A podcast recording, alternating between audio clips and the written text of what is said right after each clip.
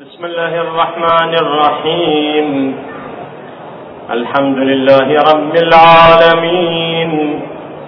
والصلاة والسلام على سيدنا ونبينا محمد وعلى آله الطيبين الطاهرين.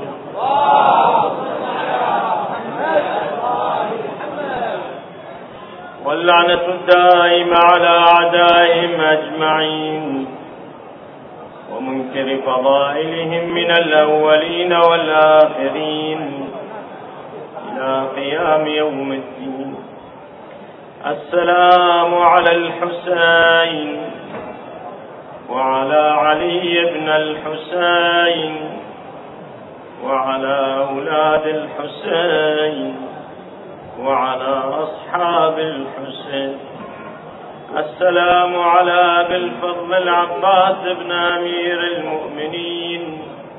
ورحمة الله وبركاته.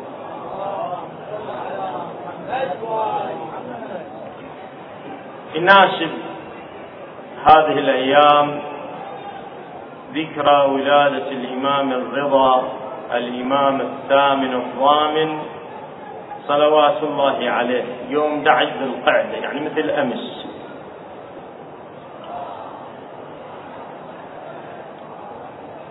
نتحدث عن سيدنا ومولانا ومن تشرئب إلى رؤيته الأعناق ابن الحسن المهدي المنتظر روحي وأرواح العالمين له الفداء. بما يرتبط بسيدنا ومولانا الإمام الرضا. هناك جملة من الروايات وردت عن الإمام الرضا صلوات الله عليه تبين العلاقة بينه وبين الإمام المهدي.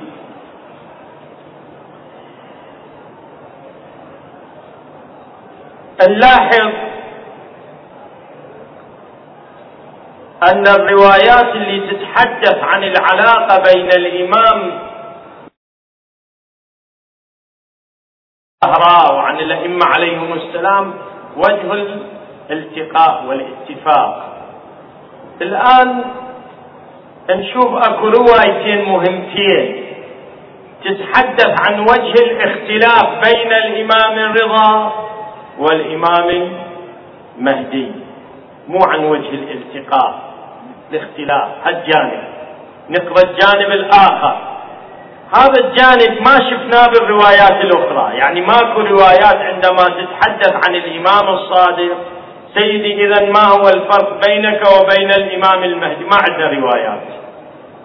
بس عندنا روايات تقول سيدي ما هو الفرق بينك وبين الإمام المهدي عن الإمام الرضا فقط. عند كل الأئمة السبقة والإمام الرضا ما توجد رواية تبين أو تشير إلى وجه الفرق بين الإمام الرضا والإمام العفو الأئمة الباقين والإمام المهدي إلا في الإمام الرضا. الإمام الرضا أكو جملة من الروايات. أنا اختاريت روايتي. تبين الفوارق بين الإمام المهدي والإمام الرضا صلوات الله عليه. الرواية الأولى يرويها الشيخ الصدوق رضوان الله عليه في كتابه الشريف كمال الدين. بسند صحيح عن أيوب بن نوح وهو من أصحاب الإمام الكاظم وأصحاب الإمام الرضا صلوات الله عليه. أيوب بن نوح يقول سألت الإمام الرضا. قلت للإمام الرضا سيدي إنا يعني الشيعة إنا لنرجو أن تكون صاحب هذا الأمر. بايعوا الإمام الرضا وللعهد. من بايعوا وللعهد بعض الناس وكثير من الناس اتمنوا إذا اجت لهم الحكومة الدولة الرئاسة. فرحوا قال له لنرجو أن تكون أنت الإمام المهدي. صاحب الإمام الإمام المهدي الإمام الرضا هو الإمام المهدي. نرجو حتى نختم هذه المأساة من الآلام. وأن يسوقه الله يعني الحكم. وأن يسوقه يعني يوصل الله تعالى الحكم إليكم إليك من غير سيف يعني بدون حرب وقتال. فقد بوي عليك وضربت الدراهم باسمك. انتهى الأمر. الإمام الرضا عليه السلام سمع هذا الكلام من أيوب بن نوح اللي هو من أصحابه. أجابه. قال الإمام عليه السلام؟ فقال ما منا أحد يعني منا الأئمة ما منا أحد اختلفت إليه الكتب. تروح وتجي إليه اختلفت هاي يعني يعني تجي كتب رسائل الكتب بمعنى رسائل تجي رسائل وتطلع من عنده أجوبة ويدز هو رسائل لأصحابه ولغير أصحابه. ما منا أحد اختلفت إليه الكتب وسئل عن المسائل. وأشارت إليه الأصابع وحملت إليه الأموال. ماكو واحد من الأئمة يجاوب على الأسئلة تحمل الأموال إليه إلا أغتيل أو مات على فراشه حتى يبعث الله عز وجل لهذا الأمر رجلا خفي المولد والمنشأ غير خفي في نسبه. يعني يقصد صاحب الأمر. شوف الآن هذا مايز هذا فارق بين الإمام المهدي وبين الإمام الرضا صلوات الله عليه. يقول الراوي أنا أشرح الرواية. الرواية قريتها بالنص أشرحها في الشكل اللي يمكنني أن أنا وياك نفهم كثير من معانيها وندرك بعض معانيها. الراوي يسأل الإمام يقول له يا ابن رسول الله يا ابن رسول الله الآن أنت بويعت بولاية العهد. زين ضربت الدراهم والدنانير باسمك. ضربت ذاك الزمان كان من واحد يصير خليفة أول عهد. عن قرب يضرب يعني تصنع الدراهم والدنانير يصنعوها يخلون صورته عليها هسه بهالزمان. بذاك الزمان شو يسوون؟ يخلون اسمه. صور ماكو يخلون اسمه. هذه الدراهم والدنانير عندما قبل الإمام الرضا ولاية العهد عن إكراه زين المامون أمر أن تصنع دراهم ودنانير باسم الإمام الرضا أنه ولي العهد. هذه الدراهم والدنانير تسمى بالدراهم والدنانير الضروية الضروية نسبة إليه صلوات الله عليه. لأن اسم علي بن موسى الرضا. هاي الدراهم لحد الآن موجودة بالمتحف يروح هناك زيارة الإمام الرضا ويزور الإمام الرضا أكو متحف. موضوع بعض الأشياء اللطيفة والثمينة من جملتها دراهم ودنانير اللي ضربت وسكت في عصر الإمام الرضا صلوات الله وسلامه عليه. يقول يعني خلصت الآن إن شاء الله بلي حرب وبلي قتال وبلي سيف الإمام الحجة عجل الله تعالى فرجه راح يرجع بالسيف يخرج بالسيف يخرج بالقتال. يفترض هالشكل. هذا الراوي يقول إن شاء الله بعد ما نحتاج إلى سيف وإلى قتال. لأن هي الحكومة والسلطان والدولة إجتك بشكل طبيعي وشكل عادي. الإمام الرضا سلام الله عليه يقول له لا يقول له اكو فرق بين الائمه كلهم وأنا واحد منهم وبين الامام صاحب الزمان الفرق بين بين الامام المهدي وباقي الائمه عليهم السلام ما يلي بين واحد من الفروق هذا بينت لك واحد من الفروق الفرق يقول لك ان الائمه تاتيهم الكتب اذا واحد بزمان عنده مسألة شرعية يكتب كتاب للإمام الإمام يجاوب. عنده حقوق شرعية يحولهن للإمام. وتحمل له الأموال المسائل الرسائل العلاقات بينهم. وبين الإمام يقول الأئمة كلهم على منوال واحد. إلا المهدي المنتظر عجل الله تعالى فرجه الشريف فإنه ليس كذلك. لا تحمل إلى كتب ولا تحمل إلى رسائل ولا يسأل عن المسائل. المهدي عجل الله تعالى فرجه ليس كباقي الأئمة صلوات الله وسلامه عليهم.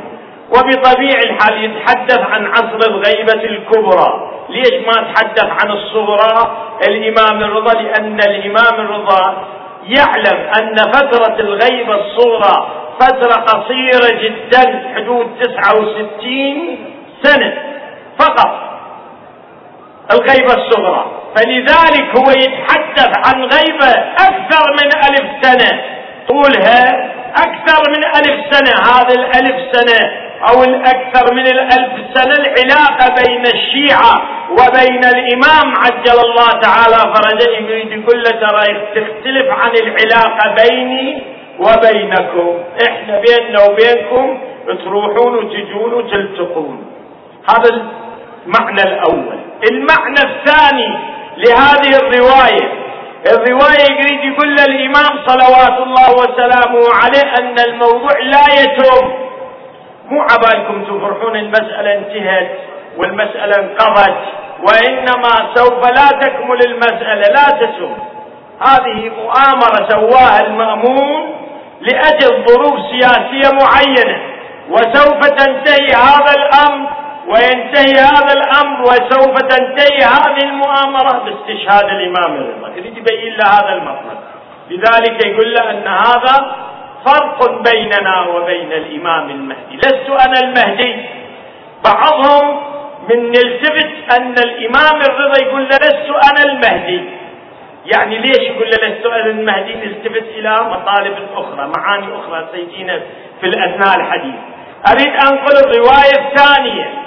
الرواية الثانية أيضا يرويها الشيخ الصدوق رضوان الله عليه في كمال الدين.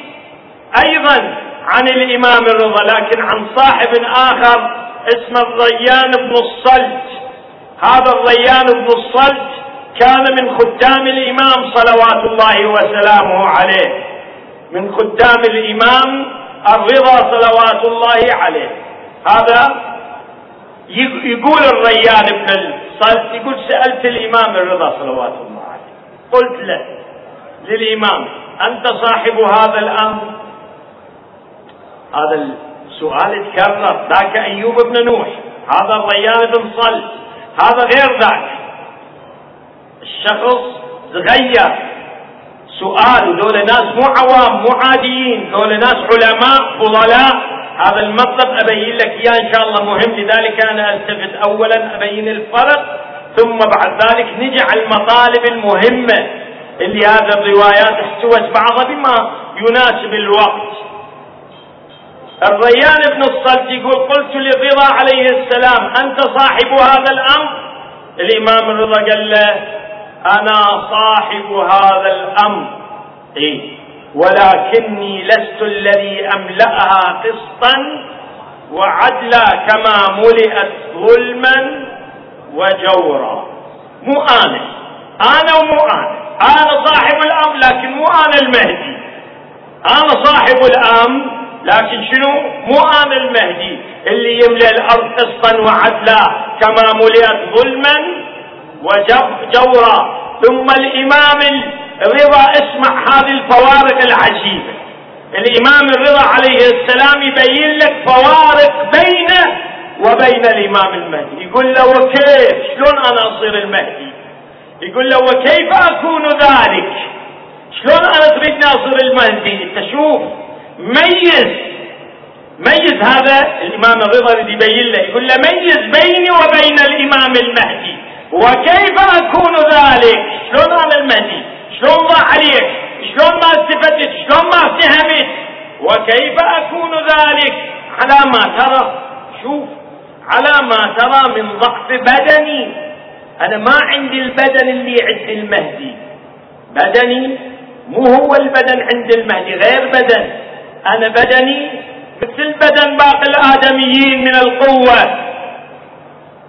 مع ما ترى من ضعف بدني وإن القائم عجل الله تعالى فرجه هو الذي اسمع هو الذي إذا خرج كان في سن الشيوخ.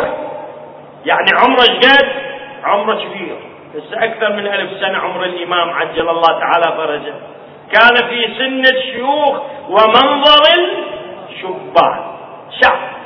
هذا بينا البارح يعني الأسبوع الماضي قصدي المحاضرة اللي بالأسبوع الماضي بينا إذا ظهر الإمام عجل الله فرجه كان بسن شيوخ ومنظر الشبان.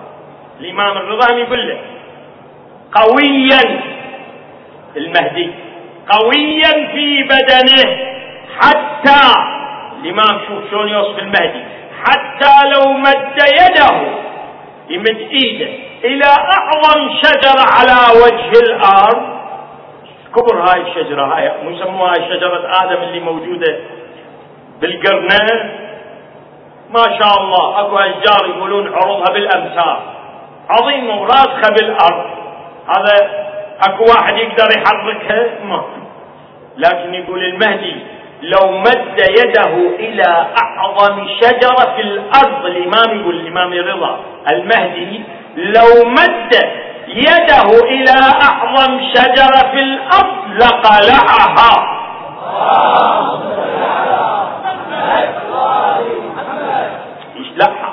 يشلحها هي وجذورها. ما يخلي جذر من الأرض لقوته صلوات الله عليه.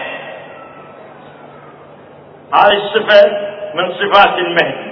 بعد يقول لو بعد من صفات المهدي الإمام الرضا يوصف ابن ضيان ابن صلت يقول لو بعد من صفات الإمام المهدي ولو صاح بين الجبال. هاي الجبال إحنا من نمر على الجبال بعض الأحيان الإنسان يمر يشوف جبال شاهقة عالية عالية عالية. إذا أنت تصعد على الجبل بعض الأحيان تشوف السيارة هاي العظيمة يشوفها مثل النمل.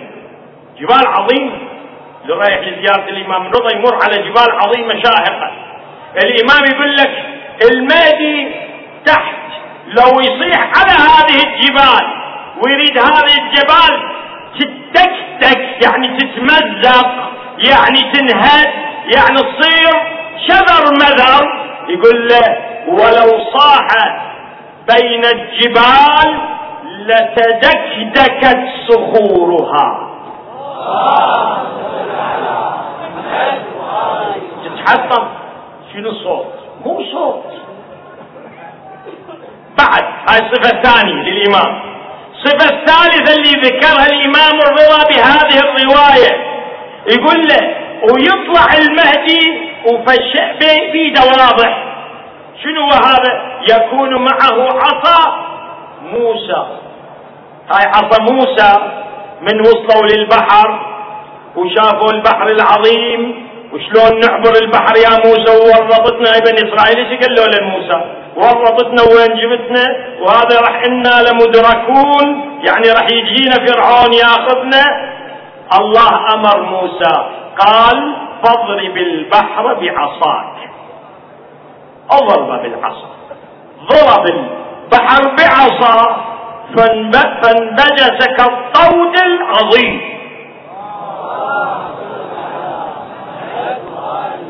شق البحر صارت الأرض مشوبية.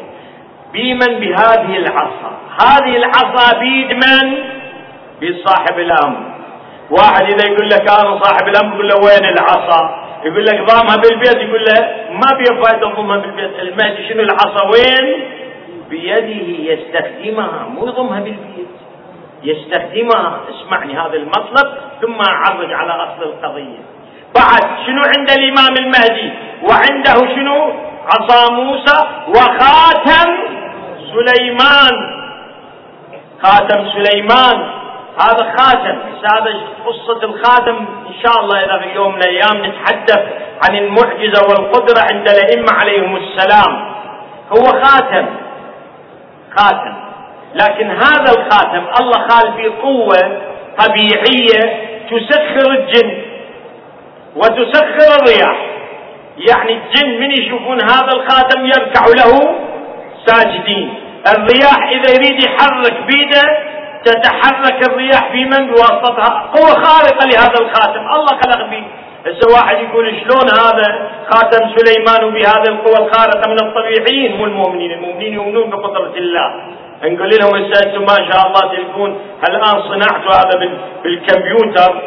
هذا عقل الحاسوب هذا الكمبيوتر. هذا استصنعته بقوى إلكترونية تلقى جهاز صغير يحرك هذا الصاروخ اللي يطلع وين؟ يطلع إلى الفضاء. هيك هذا شكل وانت بعيد تدوس التكمه يتحرك. هسه هذا هذا مثل خاتم سليمان. مثل خاتم سليمان. هذن القضايا الأسئلة الحمد لله. التطور العلمي والتكنولوجي في الدنيا حل هواية من المسائل اللي كنا سابقا نريد نفهمها للناس. يجوز ما نلقى دليل طبيعي مادي يفهموها لكن هذا التطور العلمي حل لنا هواية من المشاكل.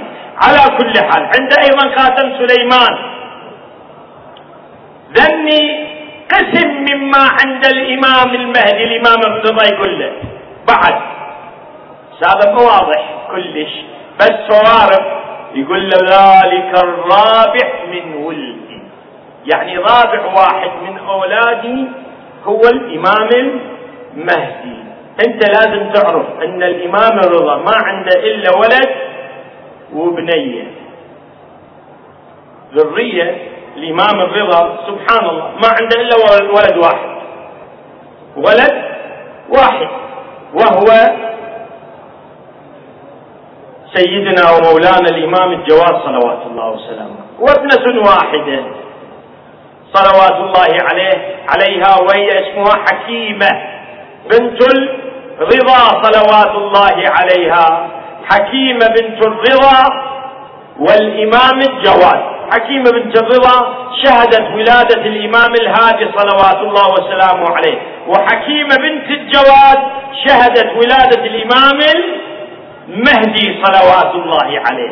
ترى هذه الأسماء مو باب التشابه بس وإنما تقريب تقريب حقائق الكون بواسطة قوى ونظريات وأعمال يحتاج إلى شرح مو بالشكل الطبيعي يمكن أن نفهمها وندركها قال الرابع من ولدي. ذلك الرابع من ولدي. يغيبه الله في ستره ما شاء. يعني في ستر الله يصير له غيبة. ثم يظهره بعد الغيبة الطويلة. ثم يظهره فيملأ به الأرض قسطا. وعدلا كما ملئت جورا وظلما. نلاحظ الإمام الرضا صلوات الله عليه بهذه الرواية يبين الفوارق بين وبين الإمام المهدي. ليش الإمام الرضا؟ الإمام الوحيد قبل آبائه هو بين الفوارق. ليش؟ هذا سؤال. ليش؟ يعني ان الامام الكاظم ما يقول أنا فرق بيني وبين الإمام المهدي الإمام الصادق صلوات الله وسلامه عليه ما يقول أكو فرق بيني وبينه ليش؟ نتيجة هذا السؤال. أنت صاحب الامر هذا السؤال خلى الإمام الرضا يبين الفوارق. زين شلون الناس صار عندهم هذا الإشكال؟ أن الإمام الرضا صاحب الامر شلون؟ هنا في بعض الفضائيات يقول مثل هذه الروايات.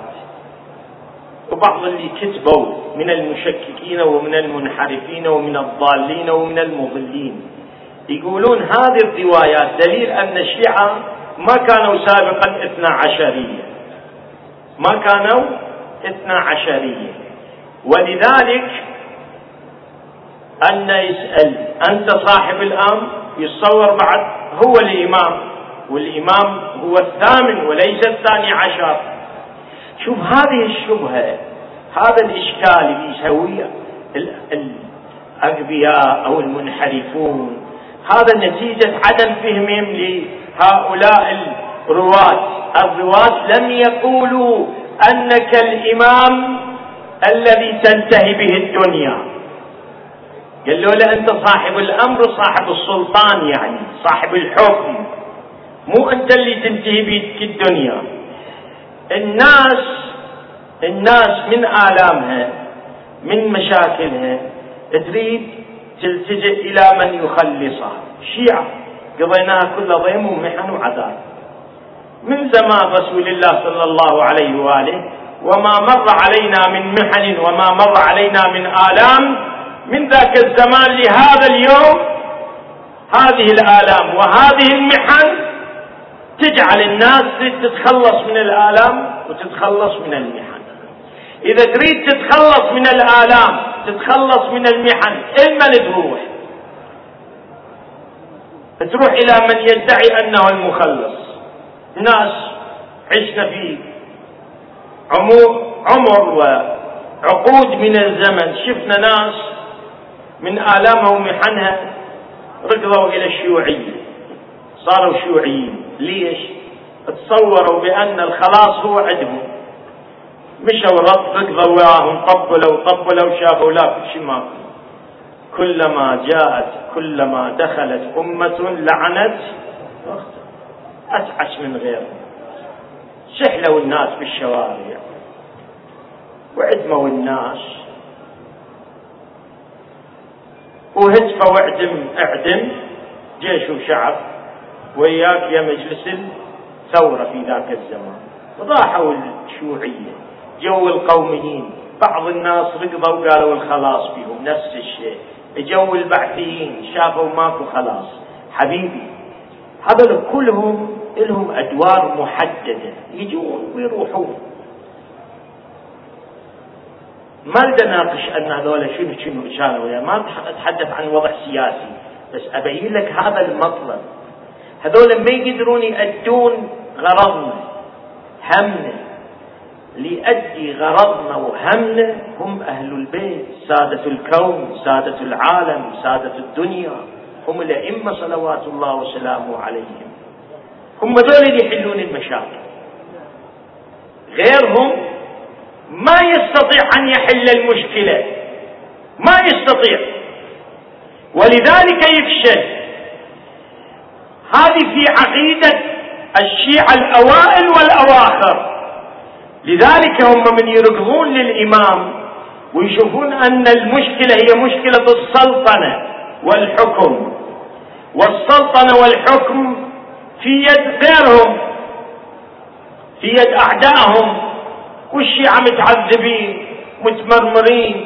فلذلك تصوروا عندما اجى الحكم للإمام رضا انتهى الامر باعتبار صار الحكم بيده السلطان بيده. حينئذ بعد ماكو مشاكل وهو سوف يحلها الإمام الرضا وقطعا لو كان يحكم الإمام الرضا تحولت الأمور. هذول مو أنهم لا يؤمنون بالأئمة الاثنى عشر يؤمنون أن 12 إمام. لكن من هذا الذي يخلصهم من المصيبة كانوا يأملون يتصورون أن الإمام الرضا الذي وصل صلوات الله عليه إلى سدة الحكم سوف يقوم بهذا الدور. لذلك الإمام راد يبين شيئين الشيء الأول أن مسألة عندما نقول صاحب الأمر لازم تفهمون أيها الناس مو يعني صاحب السلطان مو صاحب الحكم. هذا أول. الثاني الفارق بين الإمام المهدي وباقي الأئمة. المشكلة مو مشكلة حكم. المشكلة مو مشكلة سلطنة. ولكن هل يمكنك أن تطبق مبادئ أهل البيت أو لا؟ دور أهل البيت مو بس السلطنة والحكم. إحنا سابق بينا أن للأئمة أدوار أدوار متنوعة. عندهم ولاية بالتشريع ولاية بالتكوين ولاية بالحكم ولايات أخرى لهم صلوات الله عليهم. آتاكم الله ما لم يؤت أحدا من العالم. هذا مو المسألة هي تنحل بالحكم إذا صار. الإمام المعصوم حاكم انحلت المشكلة. لا. مو هذا. ولذلك الإمام ما رضى بالحكم. جل تعال صير ولي عهدي. قال بشرط أن لا أعين واليا. ولا أفسخ عقدا. ولا أحل ولا أعقد كل شيء ما أسوي بالحكم. لا أستلم ولا أسلم. أبقى الوضع فقط شكلي. ليش الإمام اشترط الإمام التفت إلى ذلك الحكم ذلك الحكم بني على جماجم شيعة أهل البيت عليهم السلام. حكم ربهم على الطغيان ربهم على ظلم أهل البيت صلوات الله عليهم. ربوا هذا حكم مو جديد تعال فلش من من البداية للنهاية. زين يخلوك أنت تدري حميد بن قحطبة؟ سامع بهذا حميد بن قحطبة؟ كان آمر عسكري عند هارون الرشيد. حميد بن قحطبة نفسه آمر عسكري كان في جيش المأمون. اقرأ تاريخ حبيبي اقرأ تاريخ. نفس حميد بن قحطبة مو غيره. إذا شفت بجيش المأمون واحد من القادة المهمين اللي يعتمد عليهم المأمون اسمه حميد بن قحطبة. ترى هو هذا حميد بن قحطبة مو غيره. شنو قصة حميد؟ إلى صديق الرواية موجودة في كتاب عيون أخبار الرضا وفي كتب أخرى مصادر أخرى. أنا أنقلها مختصر عند صديق هذا الصديق جاءه زائرا في شهر رمضان. الصبح قعد. يقول من غير بلد من بلد آخر دخل بغداد نزل عند صديقه حميد بن قحطبة دخل عنده. من دخل لقى هو قائد عسكري عنده يوقع بريد رايح بريد جاي مثل ما هسه في الزمان يوقع يخلص إلى أن انتهى الأمر. خلص الدوام سد الباب. انتهى. نادى بظلمانه آتونا بالصمام صمام جيبوا لنا السفره جابوا السفره جيبوا الغداء. جابوا الغداء. والكل بناي أنا أريد أتغدى. باعتبار أنا مسافر. والمسافر رفع عنه الصوم. يقول جابوا الأكل وإذا هذا صاحبنا قاعد ياكل وياي. أكل أكل. إلى أن وأنا ألتفت. هذا هو ابن بلد مو مسافر حتى تم الطعام شارب. قال عليكم بالنقل. النقل يعني حلويات. جابوا له النقل أكلوا النقل. جيبوا التعبير جيبوا الشاي جيبوا الماء جيبوا جيبوا جيبوا جيبوا. وأنا شوف هذا أكثر من عندي ياكل. بعدين التفت له قلت له يا أمير عندي مسألة. قال سل يا فلان. قال له ابيك مرض؟ إذا أنت مريض ما تأكل هالقد أبيك مرض؟ قال له لا. قال له لم أجدكم مسافرا ولا مريض. والآن شهر رمضان. وأنت أكلت حسب الله. الظهر قلنا هذا يجوز ناسي. وراه نقل وراه وراه وها صار ساعتين إحنا بناكل ونشرب. شنو القضية؟ وشهر رمضان وأنت مفطر. قال له أخبرك على أن لا تخبر به أحد. ما دمت حيا ترى قلت لك بعدين. لا تقول صاحبي وعزيز علي. قال له شنو؟ قال له يوم من أيام أنا قبل فترة بالليل نايم وجاءني رسول فنادى داني مسرور الخادم خادم هارون الرشيد فقال إن أمير المؤمنين يدعوك. بالليل أمير المؤمنين يدعوني بالليل شنو القضية؟ يقول جيت جيت وأنا خايف شفت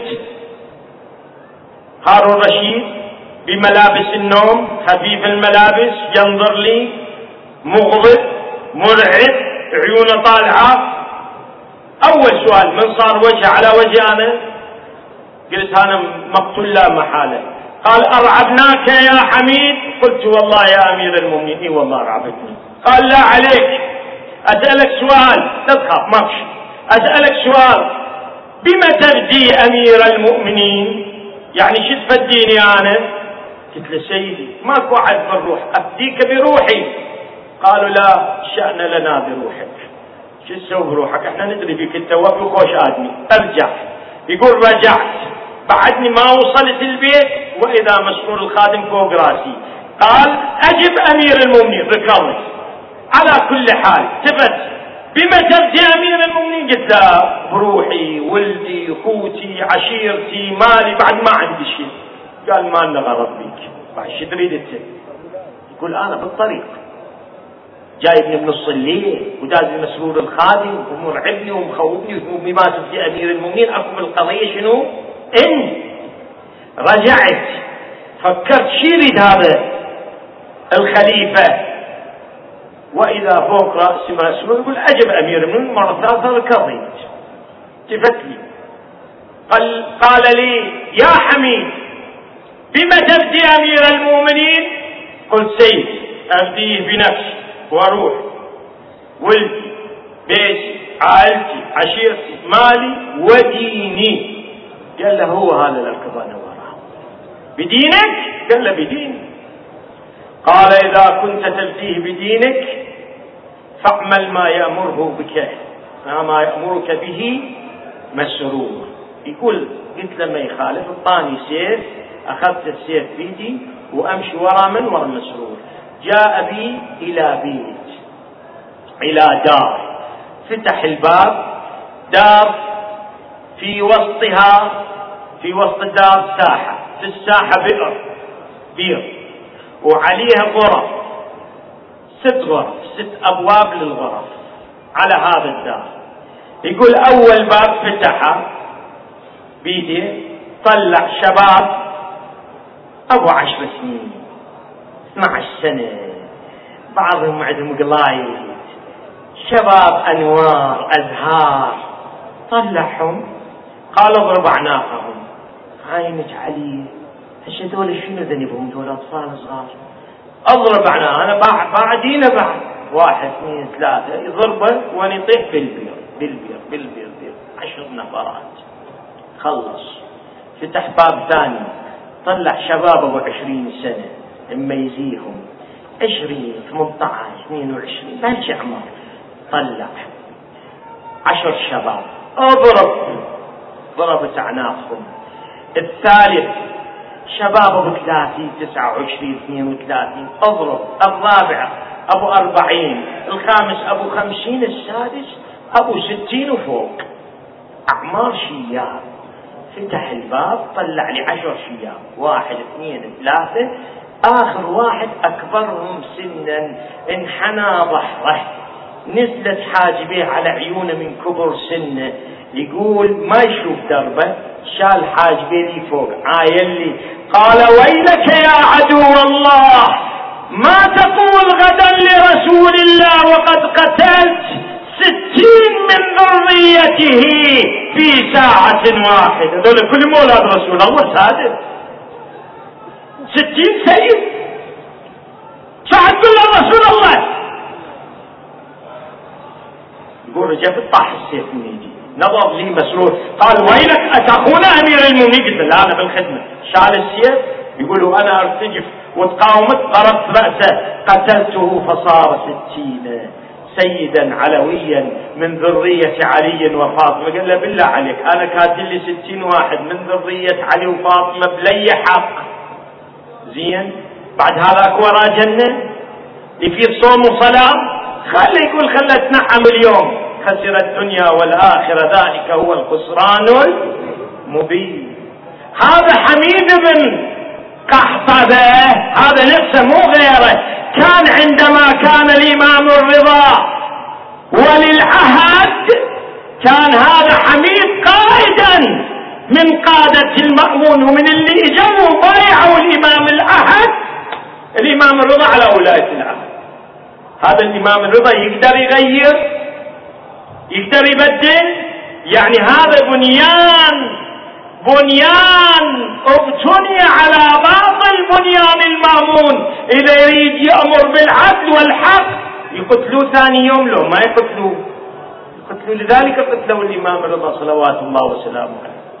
المسألة حبيبي مو مسألة حكم وسلطان قد واحد تجي حكومة وسلطنة بس ما يقدر يسوي العدل والإنصاف. ما يقدر يسوي عدل. غاية ما بالأمر يقدر شوية يخفف. عن المأساة عن شيعة علي بن أبي طالب. جيد جيد زين لطيف شوية تخفيف المأساة. هذا زين لكن تقول هذا هو يكون المهدي عجل الله تعالى فرجه. هو دولة الحق سلطان الحق الذي يملأها قسطا وعدلا هذا يكون بظروف حينئذ يستطيع ما حد يقدر يوقف بوجهه يستطيع يهد كل بناء منكر. كل المنكرات يهدها ويبني العدل في الأرض. يريد يقول للإمام الرضا ترى هذا غير. المهدي وحده هو اللي يقدر يهد هذه الأركان مو لأن لأن الظروف الظروف المستوى الإنساني العقل الانساني يكون بمستوى قادر على تقبل الاطروحه المهدويه هذه مساله مهمة. لذلك يبين للامام صلوات الله عليه. فارغ يقول له ما حد يقدر يسوي اللي يسوي المهدي لأن هو الوحيد اللي يقدر يهدم الباطل ويوجد الحق. هذا اولا. اثنين الإمام الرضا يريد يعلمنا. تردون ما تردون ترضون ما ترضون. معش إمام. وقبل الإمام المهدي ما حد من الأئمة عليهم السلام يستطيع أن يقيم الأمر لكن مع ذلك فهم أصحاب الأمر. قال له نعم أنا صاحب الأمر. كلهم أصحاب الأمر. لأن الأمر المقصود منا الحكم نعم الإمام هو الذي يملأها قسطا وعدلا. لكن المقصود من الإمام علي عليكم السلام. إذا كان المقصود من الإمام صلوات الله عليه الذي يملأ الأرض قسطا وعدلا هذا بس المهدي. أما إذا صاحب الأمر يعني صاحب الإمامة. الإمام قلنا ولاية تشريعية ولاية تكوينية ولاية حكم ولايات أخرى. نعم فكلهم لهم هذه صلوات الله وسلامه عليهم. كلهم لهم. كلهم. يعني اكو شيء خاص بالمهدي. حينئذ هذا المهدي لابد من شروط الآن من يطلع واحد صاحب بدعة يقول لك أنا المهدي أو أنا بدالتني المهدي. الواقع هذا تحجيم. تحجيم لدور الإمام. عجل الله فرجه. هذا في الواقع هذا جهل. إذا كان عن جهل يحشون وعن مؤامرات. عدم معرفة بمقام الإمام. شوف الإمام شلون يصمد الإمام إذا يريد يقلع أضخم شجرة في الأرض يقلعها. صلوات الله مر مجرد أن يعجها بيده. صلوات الله وسلامه عليه. يريد يبين له ترى هذا خاص. هذا ماكو حتى الائمه ما عندهم هذا اللي عند الإمام المهدي صلوات الله وسلامه عليه. هذا شيء خاص. لكن بنفس الوقت يقول له ترى كلنا نحن أئمة. كلنا نحن ولاة الامر في رواية أخرى غيرها كلنا القائم.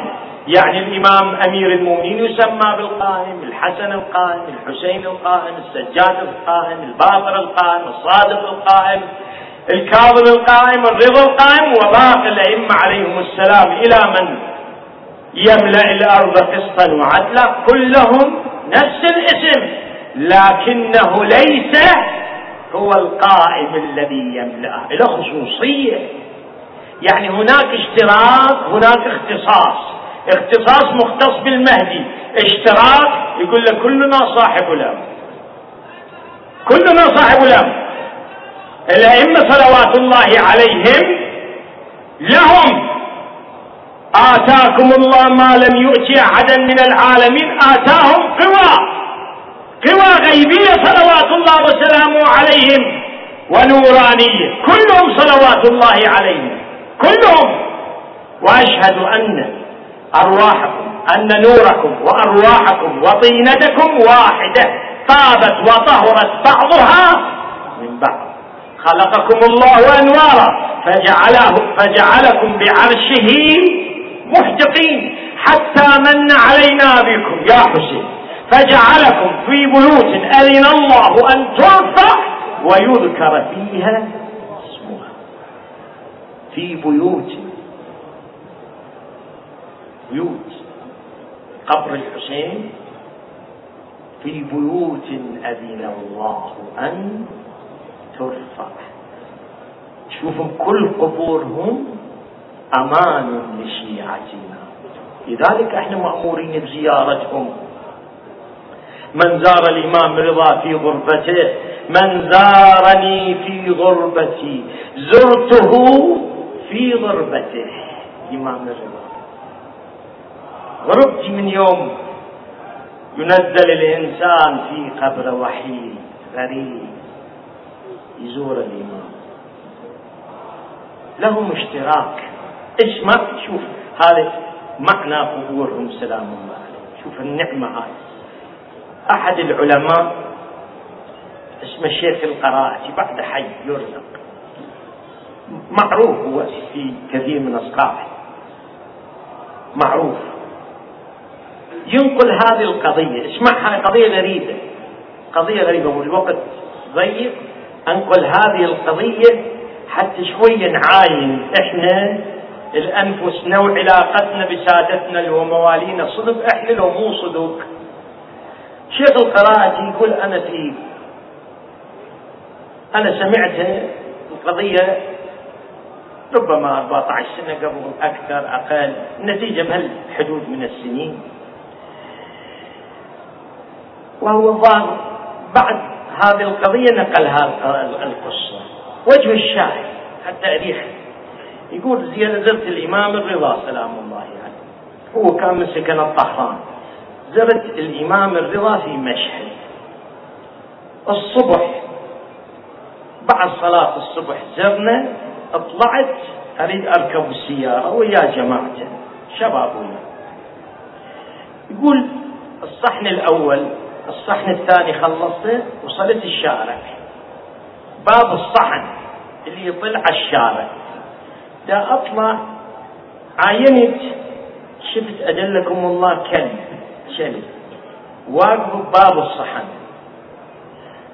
وهذا الكلب عاين عليه حيران مثل التايه شلون؟ ويلهث بلسانه وعينه وين؟ عين على القبة. قبة الإمام الرضا يقول أنا هذا كلب كلب لكن كلب هنا أنا ما شايف. بباب الصحن كلب بباب الصحن تقول ما شايف. عاينت هذا الكلب بباب الصحن؟ لفت انتباهي. زين. ومن نوعين شو عاين على القبة. شنو يعني عاين على القبة؟ ما فهمت قلت الجماعة ترى أكو قصة. خلينا ننتظر نشوف القصة. مولانا شيخنا من ناحية أمنية كذا لازم نمشي نتحرك. عندنا قال لا أريد أفتهم اليوم أنا ما أتحرك إلا أنا أفتهم شنو القصة؟ يقول وقف. وقف. شوف عاين خلي يصير اطمئنان لك؟ بيمن أنت؟ على باب من واقف؟ يقول وقف. وقف. تنتظر قريب ساعتين أنا واقف. هالشكل عاين على الشلب أريد أشوف قصته لا الشلب وخر عينه من القبة. ولا تحركت ولا صارت قضية. مولانا شيخنا خلينا نروح. لا خلى صبري. يقول بهالأثناء جماعتي قالوا الناس خذها ومعروف شخص معروف الناس تروح وتجي وتسلم وكذا. شيخنا ما يناسب إلى آخره. بالأثناء يقول وقف السيارة مرسيدس آخر موديل بذاك الوقت. نزل واحد شاب من هذا الشباب اللابسين مال الموديلات نزل من عنده. عادة ذولا يقعدون كانوا في شمال مشهد. نزل منا من السيارة ركب صاحب فد اسم لهذا الشيء يبين له اسم. قال له مثلا فلان مثل بوبي مثلا. بوبي مثل اسم فد اسم من الأسماء المطيب سبحان الله كلمة عاين على هذا صاحبه. تغيرت أثاري للكلب ثم عاين على القبه ما أدري إيش قال يقول. يقول عاين القبه وراح أخذ صاحبه ومشي. يقول أنا صحت للشاب. قلت له شاب أوقف عندي قصة وياك قال تفضل شيخنا. يعرفه. خير. قال له أنا صار لي ساعتين عاين. هذا يعاين على القبة. شنو قصته هذا الشلل؟ قال له شيخنا هذا قصته جبناه جرو أجلكم الله ربيناه عندنا بالبيت. كبر. شيب. قام يأذي. بعد ما يصلح للحراسة ما يصلح لشيء آخر. قال له أبوي وأمي قال له لي أخذه ذبة بعيد عن المنطقة. يقول أنا شلته بالسيارة حطيته وديته منطقة هناك اسمها فردوسي دفيته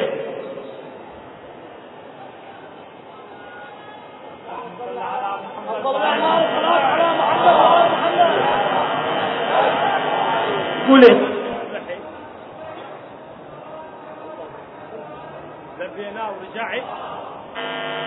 بلا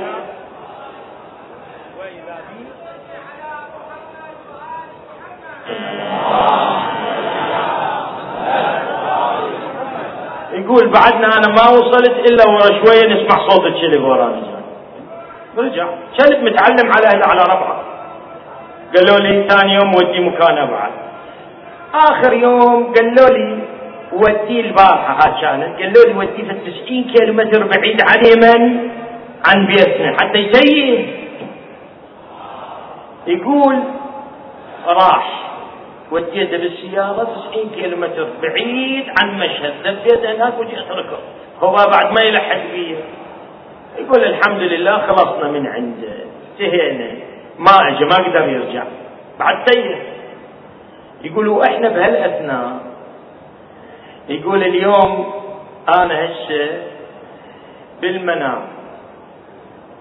وإذا أشوف بالنوم هسه قبل شوية إجاني علي بن موسى. قال له فلان هذا الكلب مسكين هذا. شيء بعد وين يروح؟ ما عنده غيركم أنتم تعيشوا غير. ما يريد يفارقكم ما يريد يعوفكم لبيتوا بعيد أول مرة إجاكم ثاني مرة إجاكم. ثالث مرة يدري هم تودوا بعيد. إجانا. وقف عندي أنا هناك بباب الصحن. عين على القفه يقول للناس أنا ما عندي أمل بيهم مولاي بيك أملنا يا علي بن موسى.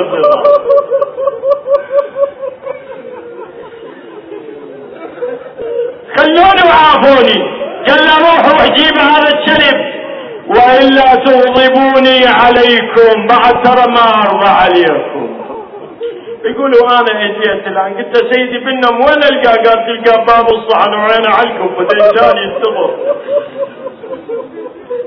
حتى الكلب ما عنده امل إلا هو كيف فولان؟ يا علي بن موسى الرضا. شيعة ولا شيعة. ضلوا بينا ولا ضلوا بينا معذبين ولا معذبين سيدي وين أحسن؟ انقطعت الجنة كربنا وانت الحسين السيد الشهداء ركن الوجود. اللي الله سبحانه وتعالى ما يرد الدعاء. مولاي علي بن موسى اليوم عيد مولدك. لكن إحنا وعن جدك الحسين. نطلب أن نطلع اليوم إلا بقضاء حوائجنا. يا الله!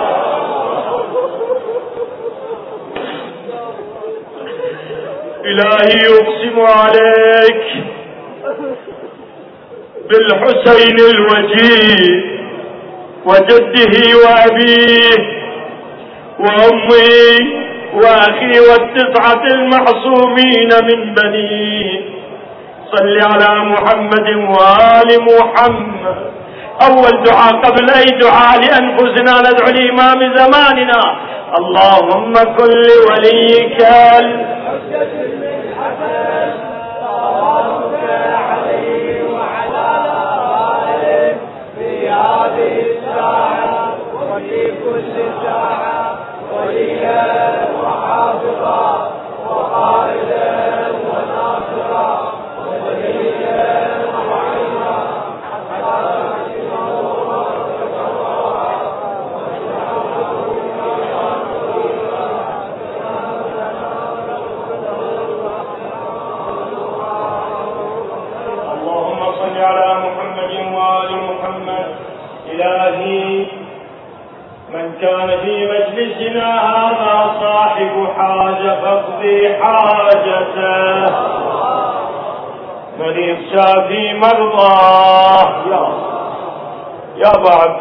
كثير من المؤمنين طلبوا اليوم بشفاء مرضاه اعطيهم عيديه للإمام الرضا مولاي يا حسين. عيدية بشفاء مرضاهم بقضاء حوائجهم. من كان في مجلسنا هذا صاحب حاجة فاقضي حاجته. مريض شافي مرضاه قريب رده إلى بلده سالما آمنا. إلى أن نحفظ شيعة أمير المؤمنين. واجمع كلمتهم على التقوى وحد أمرهم اهلك عدوهم أربط على قلوبهم بالخير والعافية. إلى أمواتكم وأمواتنا. لا سيما صاحب المجلس وإلى أموات المؤمنين والمؤمنات. لا سيما المؤمنين. والمؤمنات لا سيما العلماء والشهداء والسادات رحم الله من يقرأ الفاتحة مع الصلوات.